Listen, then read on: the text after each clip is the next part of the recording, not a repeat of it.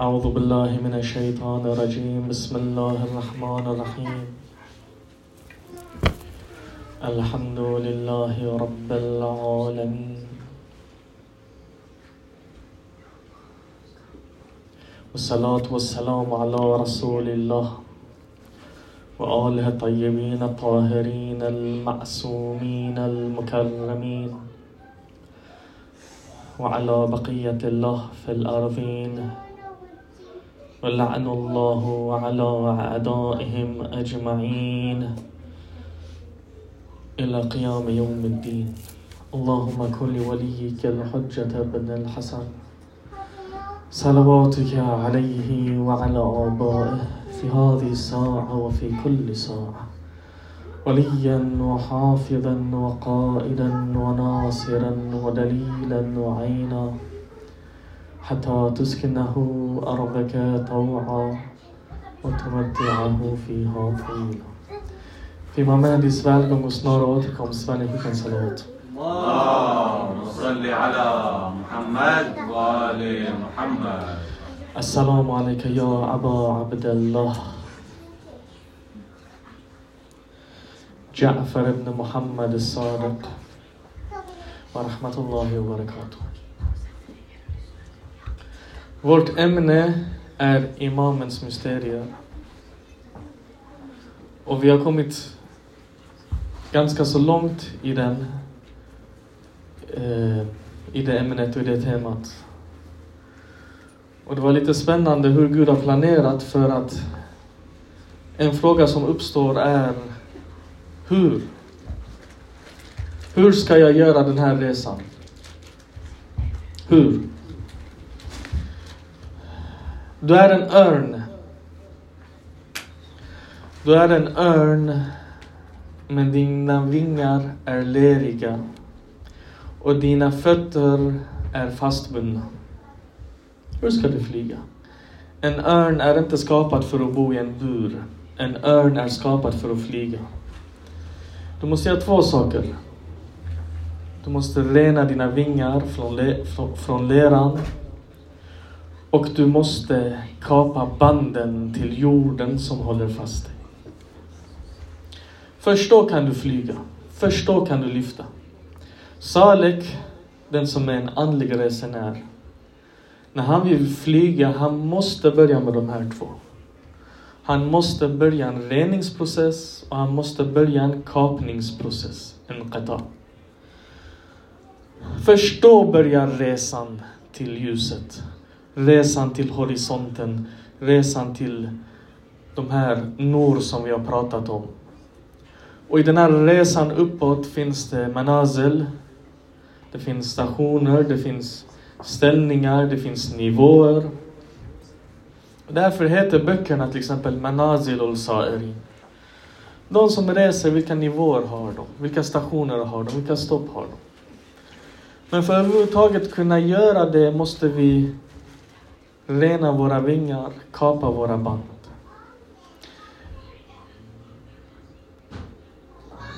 Det som är vackert här att nu när jag förberedde den här, det var inte planerat men det blev planerat. Så en, nu, en av syskonen som är i föreläsningen, hon skickade för, exakt den här frågan. Hon sa, men var ska jag börja? Jag ber, jag fastar, jag dyrkar. Var, hur ska jag börja ens? Och samtidigt, å ena sidan, å andra sidan är det Imam Sadiqs natt. Och det är vackert hur vi ska gå in i Imam Sadiq. För vi har pratat om Imamens mysterier. Och jag sa att det fanns en person som kom till Imam Sadiq, han fick vissa råd. Så inshallah, om vi hinner till slutet, ska vi gå in lite grann i några av de sakerna som Imamen sa till den här personen. Resan är lång, men vår fråga är inte hur vi ska gå hela resan. Frågan är hur ska vi börja resan? Hur ska vi börja resan? En person är kär i målet. Den person som är kär i målet stannar. Vad betyder kär i målet? Det betyder jag är kär i Iran. Jag är kär i Irak, jag är kär i Najaf, jag är kär i Karbala, jag är kär i Mashhad. Jag är kär i någon destination. När jag reser på vägen dit, för det första, jag har lagt ett stopp. Här är mitt stopp. Det är Najaf, Karbala, Mashhad. När jag når dit, jag har lagt ett stopp för det första. För det andra, på resan dit, när jag aldrig har sett den här platsen, tänker nu att det finns inga bilder, du vet inte, du har hört vissa saker, du föreställer dig vissa saker. Exempelvis alla de som drömmer om imamerna, hur drömmer de om imamerna? De ser dem, han kom, han hade ett ljus runt ansiktet. Varför hade han ett ljus runt ansiktet? Imamen hade aldrig ett ljus runt ansiktet. Till och med hadiser jag läst, en av Quraysh kommer, profeten sitter runt, han sitter med de fattiga i Mecka, det är början av Islam. Han säger, men Muhammad? Vem av er är profeten? Jag han kunde inte urskilja, det är inte så att han tätar, han står ett ljus runt huvudet. Nej, det märks inte. För de som inte har en basira och en syn, de ser inte. Vi har läst, vi tänker imamen är helig, så han är helig, han måste ha en sån här turban, han ska ha ett ljus på ansiktet, han rider en vit häst, han kommer. Precis som de eh, ritar den här Blond Blue-Eyed Jesus, som de brukar göra. De föreställer sig honom. Om Jesus skulle komma idag, jag tror 90% av amerikanerna skulle inte känna igen honom. Om han kommer och säger Hallå, jag är Jesus. De, Nej, du är inte Jesus. Tvärtom skulle du slå honom. Hur kan du skymfa den här bilden av Jesus jag har? Till och med Shein Motahari säger, han säger Imam Hussein om han skulle komma idag i våra Husseiniat och lyssna på vad vi säger om honom. Han skulle sitta och gråta över hur vi beskriver honom. Han skulle säga, jag är inte det här som ni beskriver. Han skulle gråta åt vårt tillstånd. Shein Motahari säger inte jag, jag är ingenting. När du ska på den här resan, du ska till den här Mashhad, men du har aldrig föreställt dig, du har aldrig sett, du har aldrig hört om Mashhad. Du vet det är någon helig plats. Duvorna flyger, det är vackert, det är Norani. Du hör de här sakerna. Säg det finns ingen internet, ingenting. Vad händer på den här resan dit? Så fort du kommer till en plats där det är vackert, där det är lite Norani, det finns lite duvor som flyger. Du tänker det här är Mashhad. Du stannar där. Någon annan kommer lite, lite, lite längre, lite längre, lite längre. Kanske någon kommer hela vägen. Kommer ända till Mashhad och han stannar, nu är jag i Mashhad, punkt slut. Han är kär i destinationen, han är inte kär i resan. Men en person som är kär i resan, vad är hans destination? Den är oändlig. Det vill säga att när han kommer fram, han är inte nöjd. Han säger, jag är här, men jag är inte kär i platsen, jag är kär i själva resan. Så varje steg han tar är på nytt födelse. Varje sak han uppnår, det är en kamal. Sen det blir en pånyttfödelse, han börjar från noll, han lär sig, han lär sig, han utvecklas, han utvecklas, han kommer fram och fram och fram, han går steg för steg. Han är inte kär i, re- han är inte kär i målet, han är kär i resan. För Gud har ingen plats du ska säga han är där så du ska nå honom. Hur är din salat? När når du bönen, i bönen, när når du Gud? När når du honom? I sujud, eller hur? Bönen, du börjar med qiyam, takbir, qiyam, ruku. Sen du kommer sujud. Sujud är den punkten. Vad säger Koranen? Jag ska inte säga e på arabiska så ni inte behöver göra sujud. I Surah Iqra. Den säger Gör sajda och kom närmare. Gör sajda och kom närmare. Där är den närmsta punkten. Men vad säger bönen? Den säger ställ dig upp igen. Ställ dig upp igen. Sen ruku, sujud. Sen ställ dig upp igen. Sen du avslutar inte bönen där. Du sätter dig upp. Assalamu alaikum. Bönen, även om du når högstaden, det är inte att du, ditt mål är inte sujud. Ditt mål är själva bönen. Det är själva den här resan. Så det den första punkten är att vår resa är en oändlig resa. Men det är många som på den här vägen misstar sig för de här små nor som uppenbarar sig för, på vägen och blir förälskade i dem och berusade i dem och dyrkar dem och stannar hos dem. De blir mätta.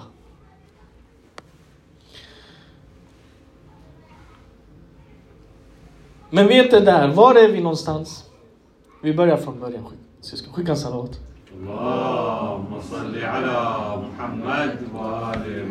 Mola, vi än börjar sin masna, vi än säger Bishna och innej chon shekayat imkonat. Az jodai ha hekayat imkonat. Lyssna på den här vassen hur den klagar. hur den om separationen beklagar. Ni vet vass, det är långt. Den är ihålig. Nej. Han säger när den blev skuren från vassbädden och kom till staden. Den har klagat och längtar tillbaka till sin vass, vassbädd, till sin watan, till sin ursprungsplats. Vad är vårt problem syskon? Början av, början, början av resan är så här att jag har hamnat någonstans långt borta. I den här världen. I ensamhet, i mörker, jag är i isolation. Men jag känner inte av det här. För jag är glad, jag leker, jag skrattar, jag springer. Jag underhåller mig själv. Jag utbildar mig själv. Men sen händer någonting. Antingen det är en stor smärta, det är en stor bortgång. Min förälder dör, min, mitt barn dör, min vän dör, min, jag blir av med jobbet, jag får en sjukdom, någon jag älskar försvinner. Eller jag tröttnar på allting. Någonting händer i mitt liv och jag känner att jag är inte i lugn och ro. Jag befinner mig långt borta, jag befinner mig utanförskap. Jag är bland folk, men jag är inte glad, jag är, inte, jag är ledsen. Har ni känt den här? Den här känslan av isolation, främlingskap. Det är början på din resa. När du känner den, döda inte den. När du känner den, när du vaknar och något inte är riktigt rätt. Döda inte den. Tvärtom stärk den. Vad gör de flesta? De dödar den. De dricker, de underhåller sig, de försöker ta bort den. Den smärtan, som Moulavi säger, smärtan är platsen där ljuset kommer in. Det här den börjar. Den försöker öppna ditt hjärta lite. Ditt hjärta är förseglat. Den försöker öppna den. När du känner den här isolationen, du uppstår ett Steg ett är ett uppvaknande. Uppvaknande betyder jakze. Detta är det första steget. Det kan ske på två sätt. Nummer ett är att Gud ger den till dig. På det här sättet. Han skickar en smärta, något problem, någon stor balla. Nummer ett. Nummer två, att du själv känner dig inte nöjd, men du stillar inte den här nöjdheten. Du känner dig inte till ro, du är rastlös, men du vet inte vad. Det är din själ som ropar och du måste besvara med labbaik. När du besvarar, du kommer till steg två. Steg två i den här resan, det är att du inser att du är långt hemifrån. Du ska påbörja den här resan. Men när du vaknar upp så ser du att du befinner dig i gyttjan, du befinner dig i mörker, du befinner dig i leran. Kolla syskon, en allvarlig fråga här är att mina böner, jag befinner ingen sötma. Om vi kollar på de här stora, stora alama, till exempel Studenterna berättar om Alla Makazis eh, halat och tillstånd. Alla Makazi är en av eh, Ostad och spirituella mästarna till många av de andliga lärda som lever idag.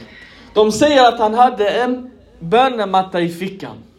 Och de säger att varje gång han fick en stark känsla, han tog ut den här bönemattan och han rullade ut den ur två rakat. De säger, vi såg han mer berusad än en person som satt i chaikhana och drack vin.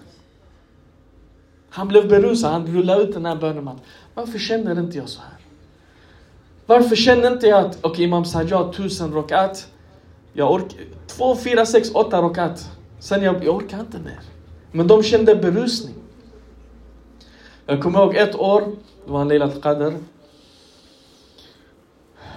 Det var en stor person, en Aref.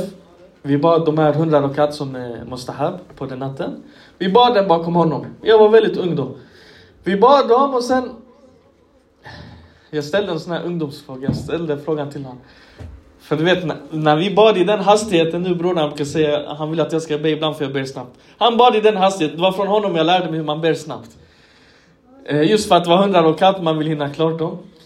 Och du vet när någon kör så snabbt, man blir helt förvirrad. Upp, ner, upp. Man vet inte var man är någonstans. Man bara följer honom. Så jag frågade honom, jag sa, har det hänt någon gång att du ber fel? Han tittade på mig som jag ställde en jättedum fråga. Han sa, nej varför skulle jag göra det? Varför skulle jag göra det? Okay, vi, vi förstår, för vi, hur mycket fel gör vi inte våra bön? Antingen vi gör fel och vi tappar bort oss, eller vi, vi ber med Yani på Gud på något sätt tar oss i hamn. Yani vi klarar våra fyra rakat, men vi vet inte hur vi kom till, från början till slutet vi klarade oss. Varför? För att den här ibadan har någon nax någonstans. Det är att vi befinner oss i mörker, det är verkligheten. Yani vår bön har tagit oss, yani detta är jag. Jag blir inte bättre än så här med min nuvarande tillstånd. Så vad ska jag göra? Steg två, när jag inser det här, jag måste acceptera och inse det här. Jag måste inse det här. Ja, ni sätter dig ner och inser det här. Om Gud har gett dig det här ljuset, gå tillbaka om du har upplevt det. Om du inte har upplevt det, sätt dig ner och vilja ha av Gud. När vi kommer till Imam Sadeks slutet av föreläsningen påminner mig, jag kommer berätta om hur den här Adal går till. Steg två är en när du vaknar upp och du ser att du befinner dig i mörker. Jag är i mörker just nu. Jag är i den. Som jag sa, min bön är fattig. Min fasta. Nu vi gick ut och Ramadan. Hur många av er fick en mukashefa? En vision? Någon ställning? Någon högre rank? Andlig rank? Fick jag? Eller nollställdes jag? jag är, nu jag är ren igen. Nej, vilken ren? Vi vill växa. Jag vill inte börja som ett nyfött barn som knappt kan eh, krypa. Steg två är en livsomfattande toba. Steg ett var uppvaknandet, steg två är en toba. Den här toban ska inte vara astaghfirullah, astaghfirullah. Ilahi al-af, ilahi al-af. Om vi ber nattbön, vi säger 300 gånger ilahi al-af. Inte med tungan. Det här måste komma inifrån. Anledningen till att jag gör toba och veckan efter jag är samma person är för att min toba är inte en ytlig toba. Jag accepterar inte att jag är ren, att jag är jag har mörker i mig, jag har lera, jag har smuts, jag accepterar inte det. Så min renhet är i nivån av mina händer. Den är inte i nivån av mitt hjärta. Annars när jag går in i den här sujuden och jag gråter tills jag slutar gråta. När jag kommer ut ur den här sujuden, jag är inte samma Hassan längre, det är en annan Hassan. Det är en annan person. Har ni lyssnat på Imam Alis Munajat? När man lyssnar på det, man tänker den här imamen, vad var han för person? Hur bar han? Den här Dua Kumail vi läste precis. Imamen läser den i sujud med tårar. Yani, den här tauban måste förändra mig. När jag känner den här, den här livsomfattande förändringen, jag blir lätt. Hör när han kom till Imam Hussein Ali salam. Han kom, de säger när han gjorde tauban inför imamen, hans synd var den största av synder, där han stannar sin imam och tar honom till krig. Imam Hussein förlåter honom och så vidare, men Hor går inte ens av hästen. Hor på plats vänder sig om och springer ut i Jihad direkt och påbörjar krig. Han går inte ens av hästen för att säga Ja, ni tänker du vill nå Imam Hussein, eller hur? Det är din, jag vill nå Imam Hussein. Nu är jag Toba, Imam Hussein gör istighbal, säger varsågod kom ner. Att du ska lämna din imam, du ska lämna din sujud och du ska gå där. Alltså det är ingen lätt sak. Du har blivit förälskad i honom och du ska lämna honom, du älskar och du ska gå och kriga för honom. Det här är inte en lätt inte ens fem minuter han fick med sin imam. Inte ens fem minuter. Men hans toba var på det här sättet. Att han... Hans toba var på det här sättet. Att han gick direkt. Hans haraka var sån här. Direkt den kom. Tobans effekt är så när den ska skapa rörelse. Om den inte skapar rörelse hos dig så var det inte toba. Gör toba från den toban. Och försök igen. Om du försöker igen och du misslyckas, gör toba från den och gör igen. Det är en kedja av toba. Toba från toba från toba. Tills den klickar. Tills den klickar. Det krävs en toba. I helgen, det var en bror, han kom från en stad långt härifrån.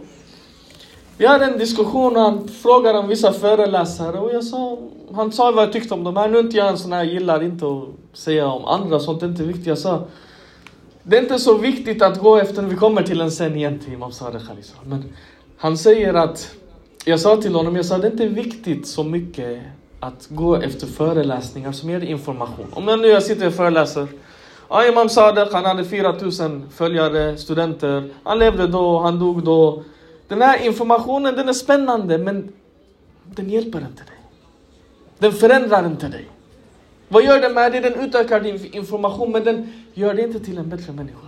Jag sa till honom, istället för att vara ute efter att lyssna på många föreläsningar, var ute efter en föreläsning som förändrar ditt liv.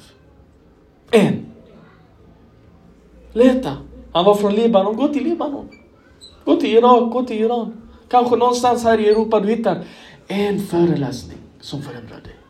Ta den föreläsningen och lev resten av ditt liv med den föreläsningen. En föreläsning. Du behöver inte mer än så. Du behöver inte mer. Steg två är toba. När du gjort den här toban, då betyder det vad då? Det betyder att du renar dina vingar från all den här rena, eh, leran som har fastnat inom dig. All den här, den försvinner. Du, tar bort all den här smutsen. Den ska vara på det sättet. Det betyder att dag två, när du vaknar, du har tagit avstånd från alla de här sakerna. Vad gör du då? Steg tre, rättegång. Rättegången börjar här. Kolla, när du gör Toba, du gör en ahd, ett avtal och ett löfte med Gud. Du säger jag lovar häran efter att jag ska sluta med mina gamla och påbörja mina nya. Det är innebörden av Toba. Det betyder ju ett avtal. Och alla som kan juridik vet att när det kommer ett avtal kommer juridiska påföljder. De juridiska påföljderna är en rättegång. Rättegången är följande. Lever du upp till ditt löfte? Lever du som du ska? Gör du som du sa? Följer du de här sakerna? Kolla Imam Kadem Ali salam. Imam Kadem han säger, det här är jätteviktigt syskon. Han säger, den är inte en av våra följare. Den är inte en av våra följare som inte gör Hesab och Kitab, alltså dömer sig själv innan han döms. Yani varje dag du ska ha en självgranskning. Du ska ha en domstol med dig själv. Här gjorde jag bra, här gjorde jag dåligt. Den här domstolen, om du inte gör den, betyder att du är inte imamens följare. Vad betyder det? Det betyder att du gjorde din toba, men du stannar kvar där du är. För du är, inte hans, du är inte på hans väg, du är någon annan väg. Du är en väg av att du ska vara i harmoni och du ska må bra och du ska... De här sakerna som alla är ute efter idag. Jag vill ha anledning för att jag ska må, må bra. Vem har sagt att du ska må bra? Det här saker som ska få dig att må bra är inte bra för dig. Den får dig att glömma, den får dig att sova. Du är ute efter sömn. Vi är ute efter att vakna. Vi är ute efter på nytt födelse. En födelse gör ont. Så steg tre är daglig rättegång. Hur börjar den här rättegången? Allama ger råd så här till en person i er ålder som är trött på sin nafs och vill gå från mörker till ljus. Han säger till honom, gör så här. Han säger varje natt innan du ska lägga dig. Gå igenom din dag. Det som du har gjort är bra. Säg Alhamdulillah, tacka Gud och be Gud utöka den. Det är Imam Kadem som säger samma sak. Och det som du gjorde dåligt, be Gud förlåta dig och hjälpa dig att förbättras från det. De här två. Han sa den här processen ska inte ta mer än 4-5 minuter. Det krävs av dig att du börjar med det syskon. Steg ett, detta är den ytliga muhasaban. Vad gör den med dig? Den gör att du slutar med dina dåliga egenskaper. Till exempel, ah, här jag blev arg. Här jag sa den här fula saken. Här jag. Ah, och så jobbar du med den här. Men steg två, tre och fyra, det är högre nivåer. Om ni kommer igång med den här muhasaba dagligen, inte slarva en enda dag. Steg två blir, vad var mina tankar? Hur gjorde jag min salat? Hur var typen av min salat? Inte jag bad min salat, inte jag bad den på rätt Nej, hur var min typ? Hur var min reflektion? Hur var min fokus? Hur var min... I alla, hur pratade jag med min mamma? Hur pratade jag med min pappa? När han sa så här, han höjde rösten. Hur gjorde jag? Alla de här små detaljerna kommer in. Och så fortsätter det. Hur var jag i drömmarna? När jag sov? När den och den personen kom, sa jag något fult till den och den personen? Sa jag, när den här frestelsen kom, tog jag frestelsen eller stod jag emot frestelsen? I drömmarna du kontrollerar. Det går. Men muhaseba kommer en annan sak. I poesi, den kallas för vin. Muraqaba. Muraqaba betyder att du är raqib. Det betyder att du är bevakar dig själv. Du är en bevakare av dig själv. Har du sett till exempel när ni bodde hemma? Varsågod, ställ frågan. Jag hängde inte med och sa att man ska typ kontrollera sina drömmar. Kan man göra det? Du kan. Genom att du har en sån stor muraqaba. Att till och med när du sover, du är muraqaba av dig själv. Du måste vara i vaket tillstånd. Nummer ett. Nummer två, i handlingar alltså. Nummer tre, i dina tankar. När du sitter så här och tanken kommer, åh den här mattan, vad konstig den ser ut. När den tanken kommer, du klipper den. När du låter den gå omkring, den kommer komma i dina drömmar också. Men när du kontrollerar egentligen syster, det är här när du kan kontrollera den i drömmarna, det är då du kan ta med den i graven också.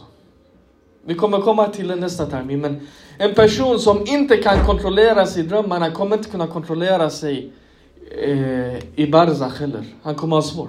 Så det handlar om att kunna kontrollera sina tankar innan Ja. och sen detta typ påverkar ja. För när du drömmer, vem är det som drömmer? Ja. Ja, din själ. Du är så bevakande av din själ att han går inte höger eller vänster, alltså din nafs, höger eller vänster, utan säger det rätt, är fel. När den här nafsen känner så här, det är som ett barn, du uppfostrar den jättestarkt. När du släpper han 10 minuter för sig själv, han kommer klara sig själv. När du låter honom vara som han vill, han kommer också göra som som nu, när barnen i andra rummet de kaosar. Varför är det ingen vuxen där? Så fort en vuxen sätter sig där, de direkt de har disciplin. När jag var där, jag bara tittar på dem, de direkt stod sig. Sen de börjar kaosa igen. Så fort ingen vuxen är på andra sidan, det är samma sak.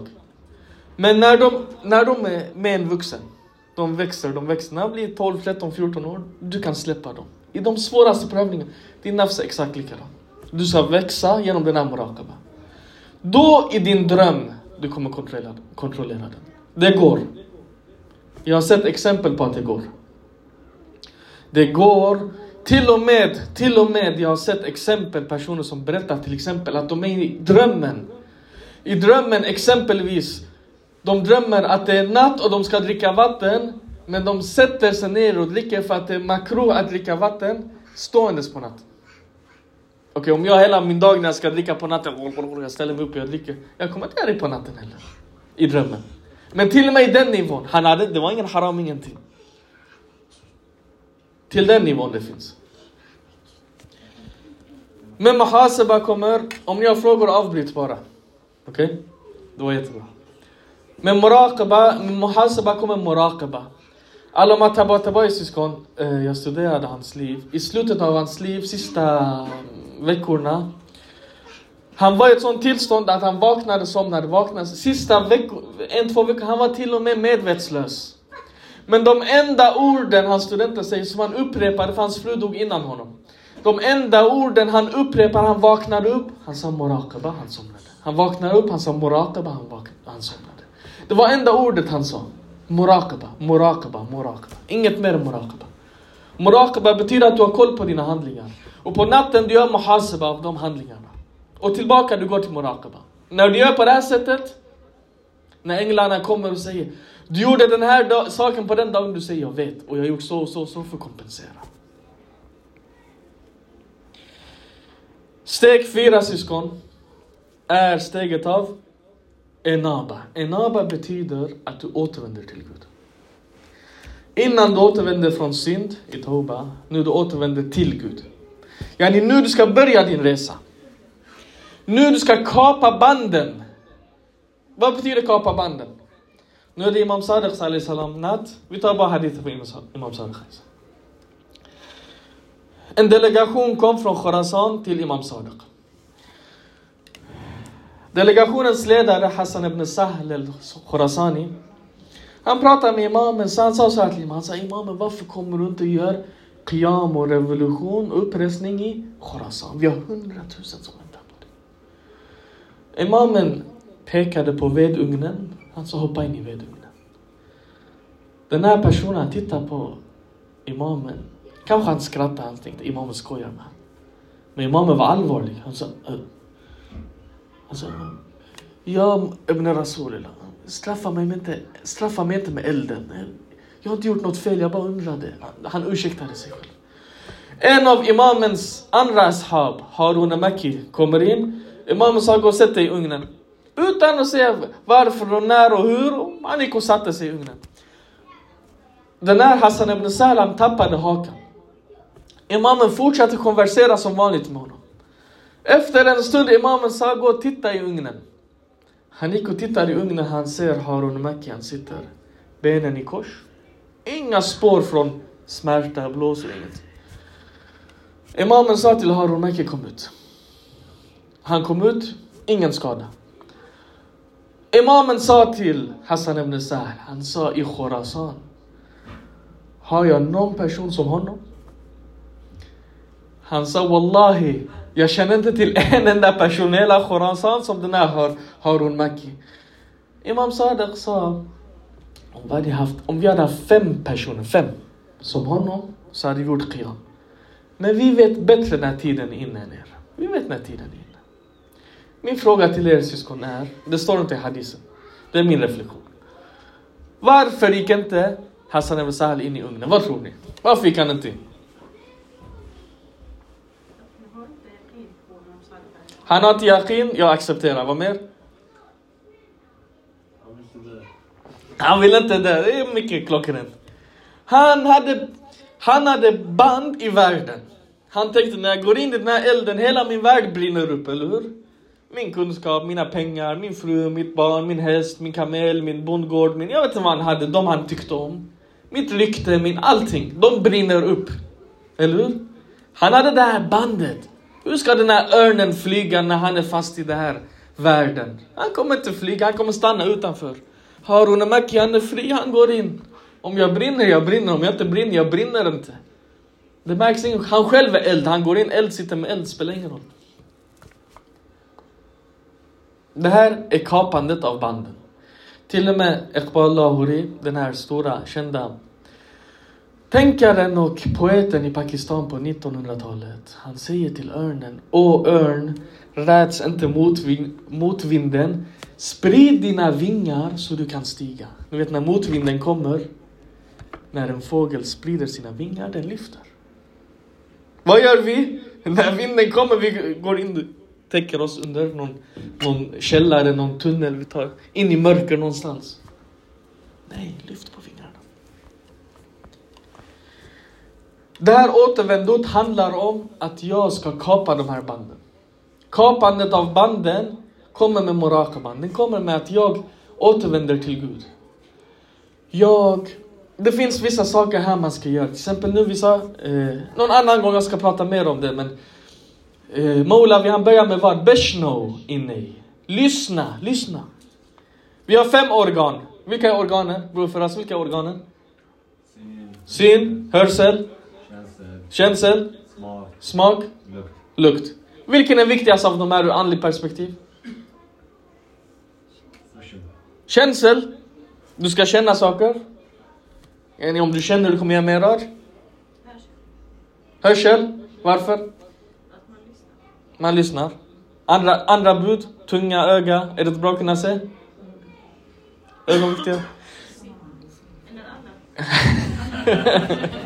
Om ni fick välja en som ni skulle ha ur en ma'nawi och andlig synvinkel, vilken skulle ni valt? Om ni fick välja bara en. Vilken skulle ni valt? Hörsel, varför?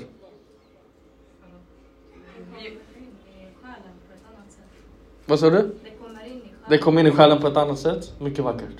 Men det är sä- säkert även om det är mörk eller det är av blind och sånt. Jag kan, alltså det är lite mer säkert att man får informationen ljus. Med ögat? Nej, hörsel, ja. Tänk er här syskon att ehm, örat, okej tungan är den enda som går ut. Han gillar att vara vild i naturen. Men alla andra de är inåt. Men örat, kolla om du tar bort örat, du tar bort tungan också. Eller hur? De som är döva är stumma också, de kan inte prata. Så nummer ett. Så den har en fördel. Nummer två, när du lyssnar, den går in i hjärtat. Du behöver lyssna i 40 år. Sen du ska börja prata. 40 år, du ska bara lyssna. Inte titta. Vad ska du titta på? Vad finns det att titta på? Lyssna. Lyssnandet. Koranen säger, lyssna på Koranen när det reciteras. Så kanske ni får av Guds nåd. Alltså av Guds rahmania. Inte rah, rah, eh, av rahimia, inte av rahmania. Rahmania för alla men om du, den särskilt, när du lyssnar, du kommer. Moulavi han säger Beshno, lyssna på den här. Sitt med de stora, lyssna, lyssna. Den går in i hjärtat. En hadis, Imam Sadiq säger den som lyssnar, han dyrkar. Så om man det han lyssnar på är för Gud, han dyrkar Gud. Om man lyssnar på shaitan, shaitan i saker, han dyrkar shaitan. Lyssna. Tungan, nu jag vet Bror Takhalin är hans ämne, jag tror 80% av alla som hamnar i helvetet på grund av tungan. Det är mycket synder som är där. Känsel, jag vet vad vi ska ha den till, det, det är inte så viktigt. Det enda känseln gör, den gör att vi blir rädda från att skadas och dö, det är det enda den gör. Ehm, ögon, ja vi, det bästa vi kan göra med ögonen det är att läsa. Men hur mycket orkar vi läsa ärligt talat? En halvtimme sen vi blir trötta, vi blundar. Allt annat onödigt vi tittar på. Så hörsel.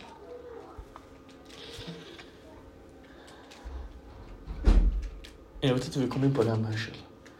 Beshno Nation Shekayat Mikonat.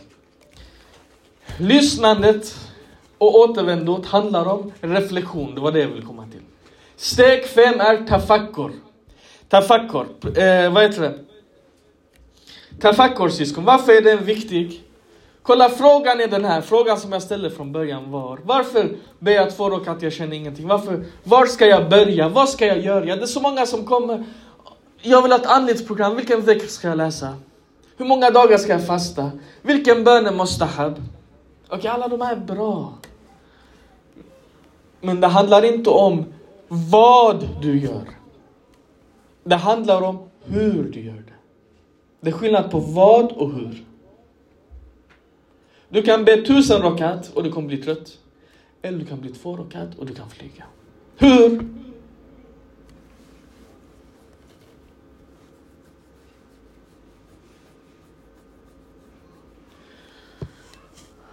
Hur? Det handlar om hur du gör det. Jag kommer att tänka på en, eh,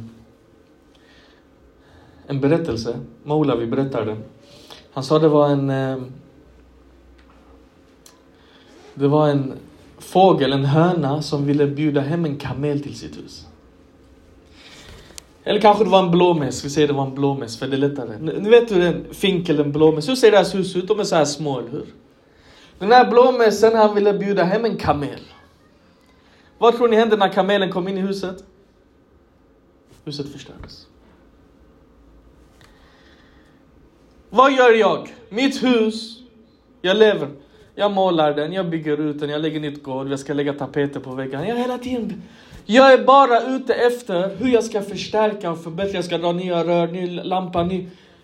Jag bjuder hem, vem bjuder jag hem? Jag bjuder hem andra fåglar, andra blåmesar, andra små varelser som jag själv. Det här huset går inte sönder.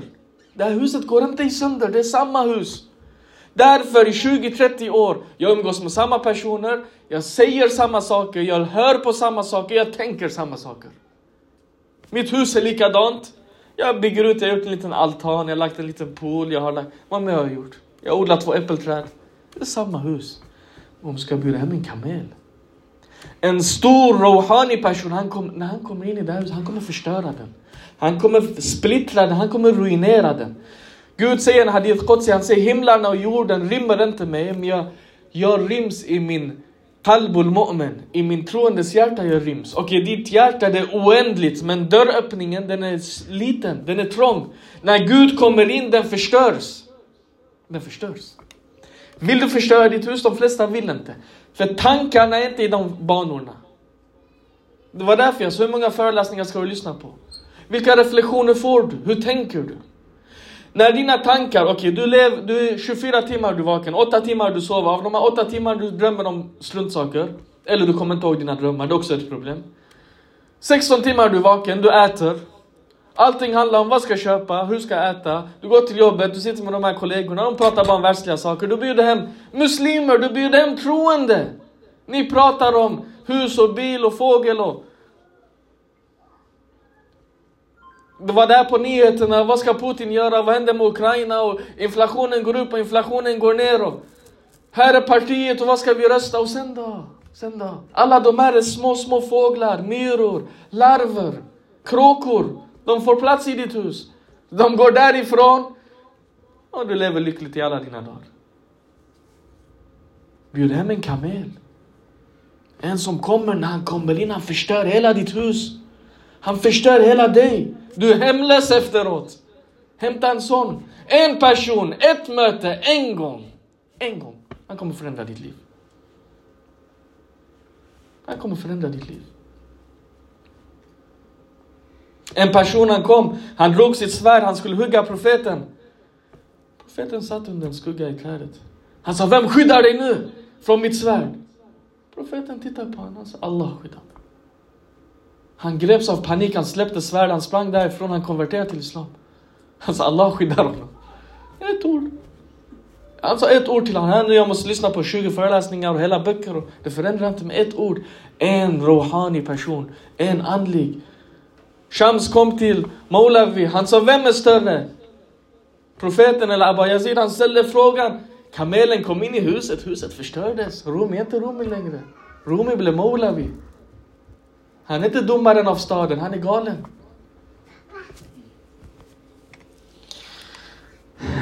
Imam Sadiq Ali salam säger att Imam Ali sa Han sa Väck era hjärtan med tafakkur. Väck era hjärtan med tafakkur. Tafakkur är det som väcker hjärtat. Det är de här tankarna du tänker på. Vad är det du ska tänka på? Vem är jag?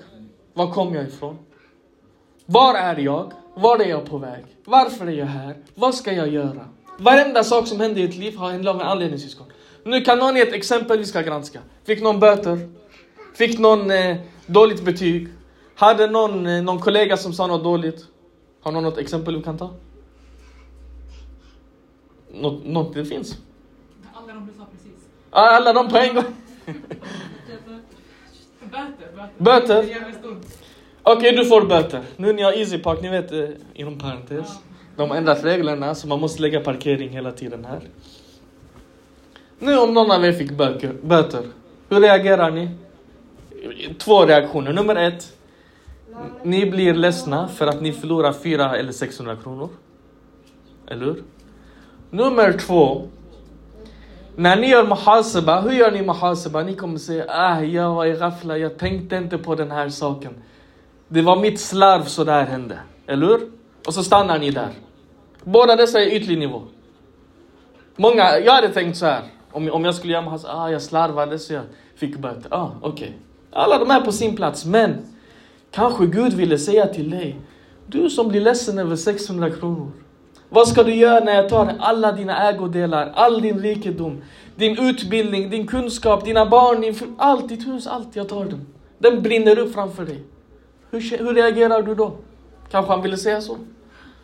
Här det är en reflektion.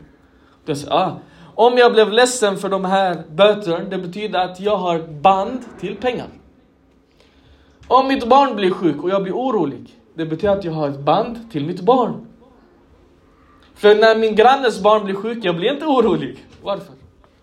Om det är en muslim, då, han, då borde jag bli orolig för honom också. Jag blir inte orolig. Den känslan i hjärtat är annorlunda. Håller ni med? Om mitt hus får en stöld, jag blir ledsen. Min grannes hus blir stöld, jag, ah, jag måste köpa nytt lås. Jag måste köpa nytt lås. Det är tawakkul, varför försvann tawakkul? Nu, det är 25 mars. 25 maj, 26. Jag fick lön, jag blir glad. Varför blir jag glad när jag får min lön? Alltid på jobbet, yes det är payday, idag jag får lön. Men de här pengarna kommer och går. Varför blir du glad över att någonting som förväntas att du ska få?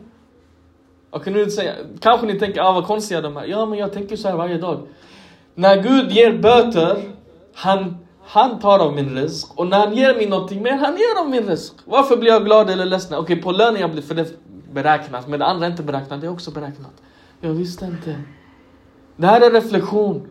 Det här är reflektion. Det betyder att varenda sak som händer, om jag blir arg på mitt barn, ja okej. Okay.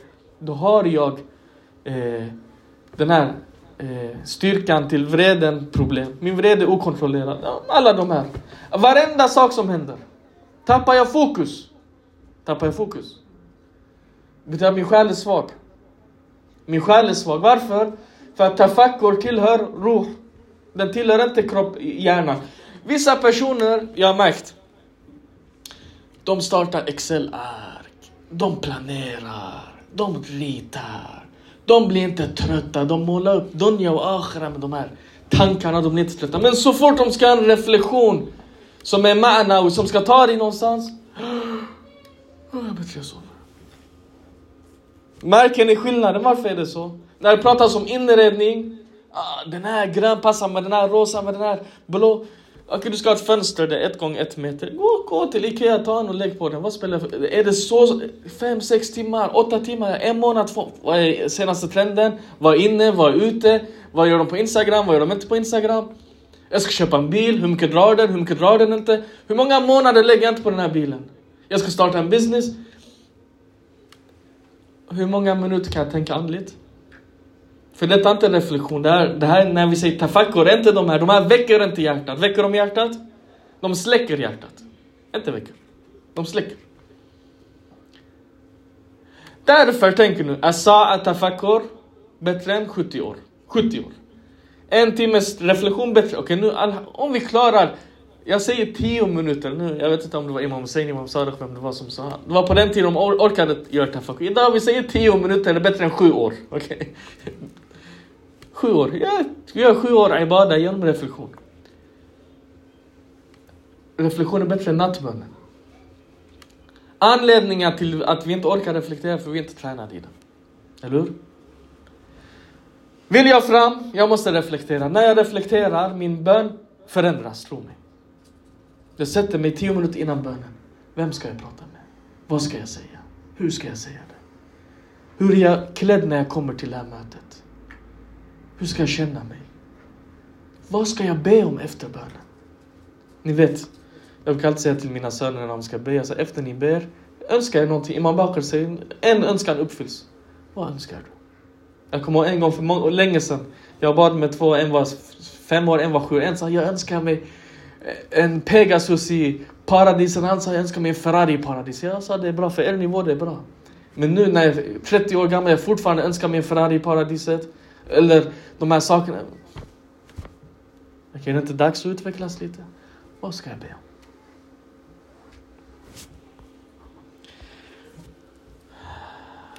Nu det blev långt, vi avrundar med den här hadisen jag vill berätta kort.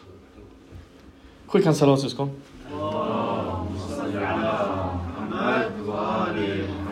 Filosofin med den här långa föreläsningen är att ni ska bli hungriga. Så ni äter bra.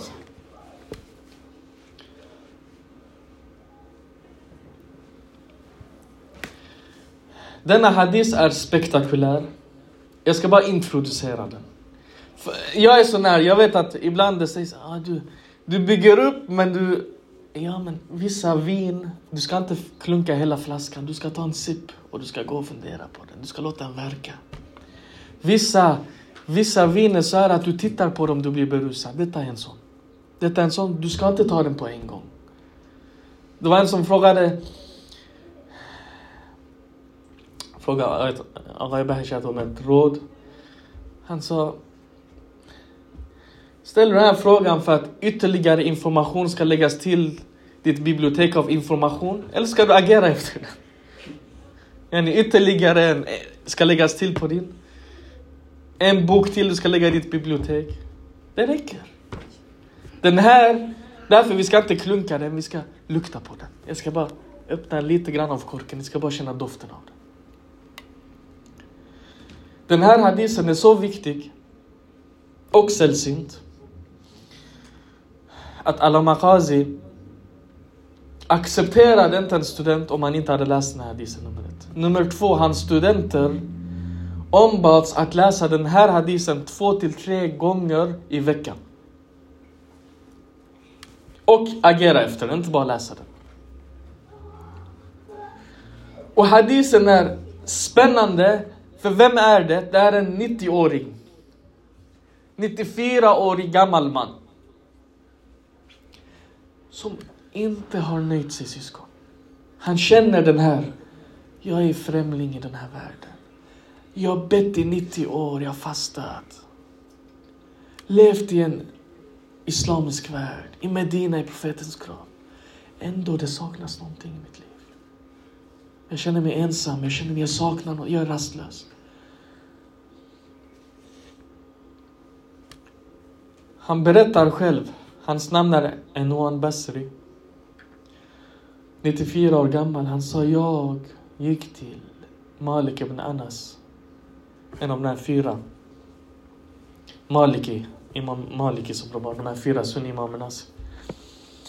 Jag deltog i hans lektioner.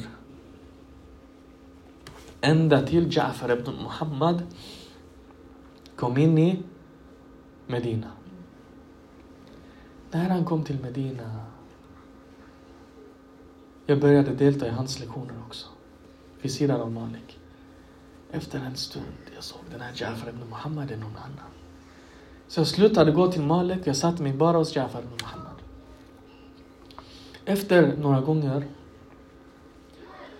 Jafar ibn Muhammad sa till mig, han sa Hukuma och regeringen bevakar alla mina rörelser. Och jag ber mycket under hela dagen. Så snälla, kom inte så mycket, för jag hinner inte med. Jag vill be mina böner och jag har inte tid att undervisa dig. Gå till Malek och sök kunskap där och det kommer nyttja dig inshallah. Ibad Basri, tänk er syskon, du går in i den här samlingen. Din imam sitter där. Och din imam säger till dig, jag vill inte ha dig här. Jag vill inte ha dig. Det är det han säger mellan raderna, men han säger det på ett vackert sätt. Jag vill inte ha dig här. Gå ut härifrån. Hur skulle du känt dig?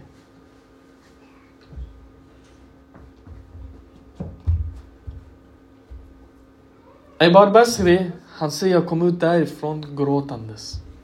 Hjärtkrossandes. Jag sa till mig själv, om Jafar ibn Muhammad hade sett något gott i ditt hjärta så hade han låtit dig vara kvar i hans närvaro. Han gick direkt, vet ni vad han tog vägen? Direkt till Masjid al-Nabi. Han tog tag i den här Dharih. Han grät. Han sa, Ja Rasul. Ja Rasulullah, gör någonting. Förändra mig på något sätt. Vad det vi sa den här Toban. Gör någonting med mig. Så Jafar ibn Muhammad tittar på mig med välvilja. Med kärlek. Med godhet. Gör någonting med mig. Han gick hem.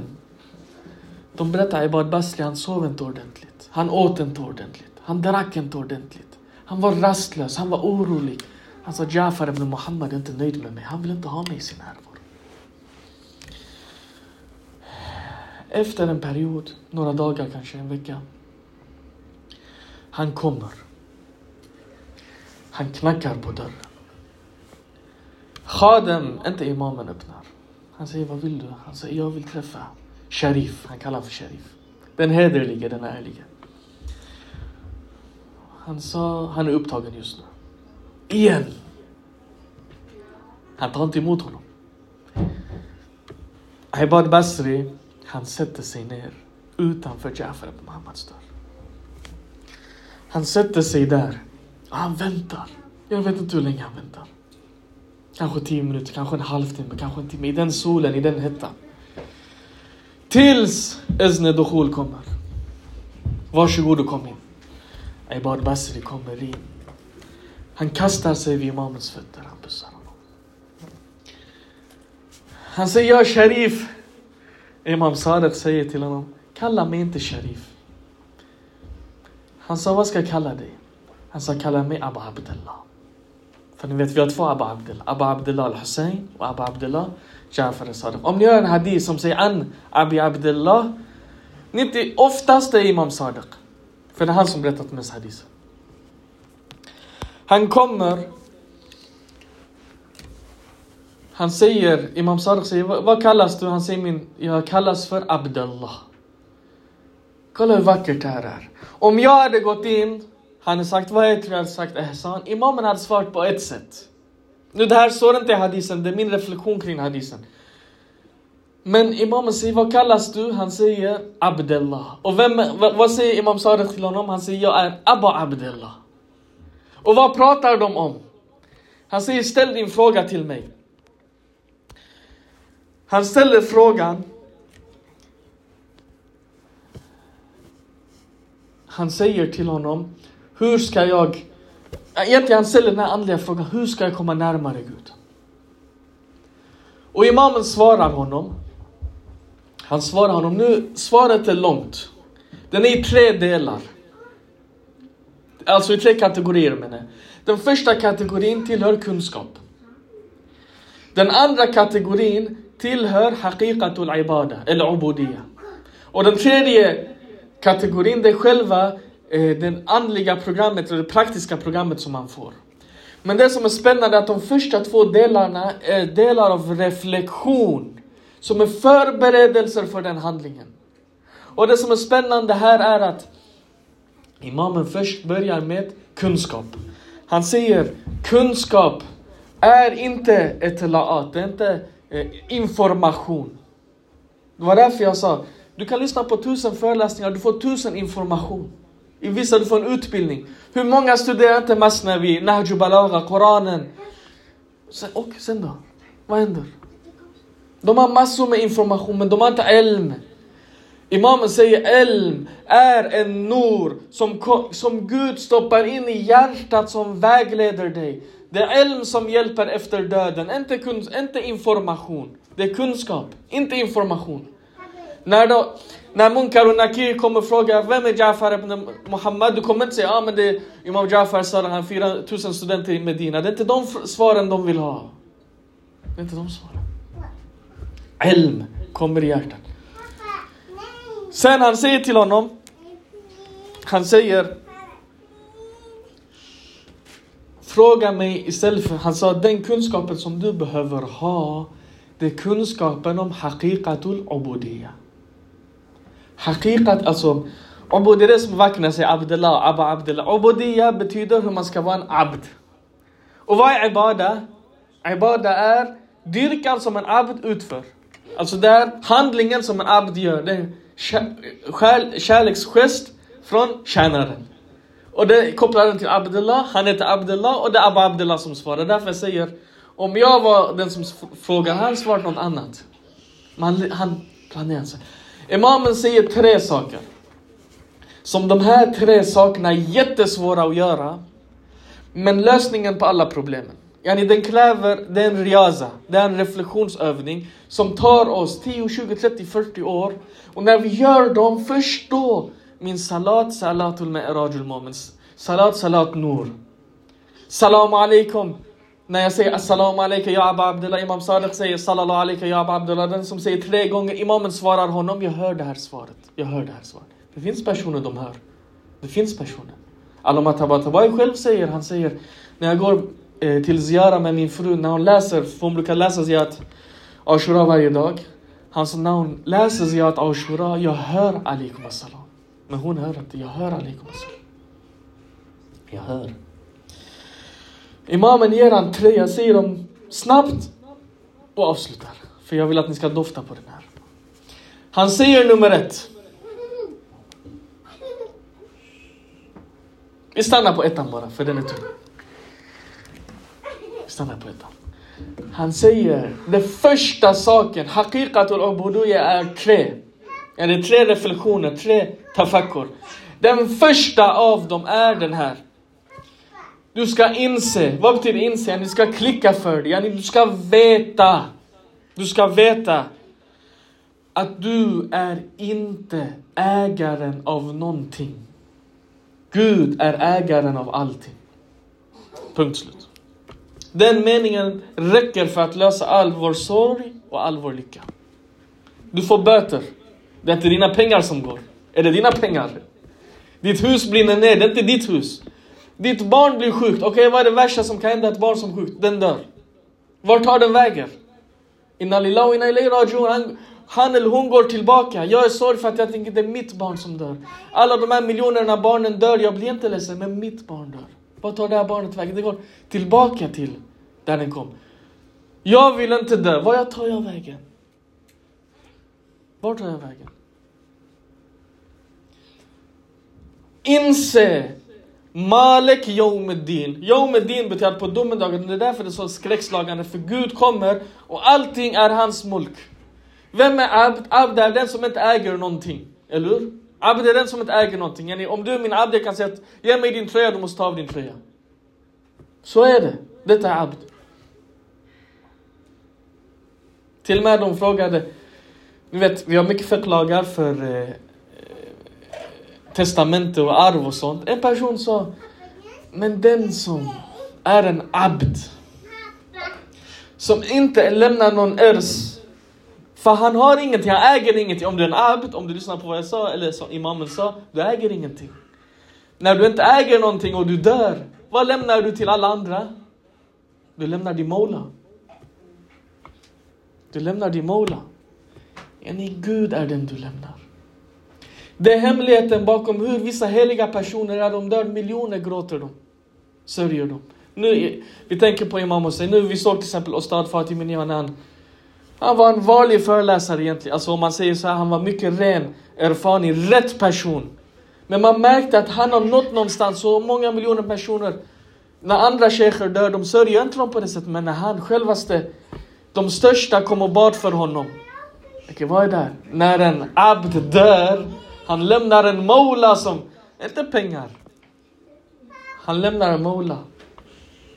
Han lämnar en mola. Syskon, det vi lär oss av, inshallah vi kan fortsätta Aibar Basri, men en annan gång. Men det vi lär oss från den här är nummer ett. Ha talab. När han sa nej, Jan imamen han väckte dig. Nu systern kan påbörja hämtningen av soffran. Han väckte dig. Imam, vad sa han gjorde med Aibar Basri? Han sa du vill komma, gå. För att komma du måste gå. Han gick för att komma. Han gick, han tog tag i en tawassul. Med kärlek, med tårar. Han kom, han satte sig, han hade talab. Sen han kommer nu, imamen matar honom. Han matar honom med reflektion. Han säger nu du kan börja din andliga resa, den börjar med reflektion. Den första reflektionen som du ska ha är, jag äger ingenting. Jag äger ingenting. Allt ligger i det. När du får smärta imorgon, tänk varför fick jag smärta? Varför du trodde att du ägde någonting? Om din hand slår sig, det är inte din hand. Okej, okay, förutom nerverna, glöm nerverna. Men det finns inga nerver mellan dig och din kläder, din, den du har. Men det finns andliga nerver som du måste kapa. De gör ont. Denna reflektionen, dessa fem stegen syskon, är början på den andliga resan för att röra sig från mörker till ljus. Med dem kommer en ibada som smakar annorlunda. Vi har inte nått sötman än. Men den ger lottning, den ger en lättnad, den ger något ljus i mitt mörker. Och det kräver att mina tankar är på annan plats också. Att jag reformerar mina tankar. Jag bjuder hem lite kameler. Gå och hitta några kameler och hämta dem. Nummer ett. Nummer två, bli en kamel. Bli en kamel. När du går hem till någon höna, bli en kamel. När de pratar om böter, prata om det här. Prata om smärtan och hjärtan. Väck dem. Släck dem inte. Var en kamel, var inte en höna. Hönor de kacklar bara när det blir problem att komma in i hönsgården och när det blir problem att komma ut. Jag har hönor, de klagar på att de kommer inte in, eller när de ska värpa ägg, det, det är för mycket kö där så de kommer inte... Ah, akta dig, jag vill sätta mig. Det är sådana här saker de kacklar över. Ingenting, de har inget annat att säga. Om de äter, sover, det finns vatten och de har en plats att sitta, de är nöjda och de kacklar inte över någonting. Var en kamel, var inte en höna. اللهم اني اسالك ان ادعوك باسمك العظيم العظيم الاجل الاكرم بجعفر بن محمد الصادق Ja, Abba Abdullah. Vi ber Gud vid den här natten, där himlarna och jorden är öppna, att, im, att han berikar oss med marifa och kunskap och ilm om imamen. Att han ger oss det här ljuset som vägleder oss. Att han tar oss genom det här mörkret, leder oss från khalq till haq. Från mörker till ljus, från fängelse till himmel. Från fulhet till skönhet, från smuts till renhet, från jord till himmel. Att han påskyndar imamens återkomst. Och när imamen kommer, att vi är en present i hans väg. Vi erbjuder oss själva, för vi är ingenting. Vi är hans ägodel. Så låt oss bli som stavar och svärd i hans hand. Pennor och böcker. Som högtalare. Som tjänare. اللهم عجل لوليك الفرج والحمد لله رب العالمين والسلام عليكم ورحمة الله وبركاته الله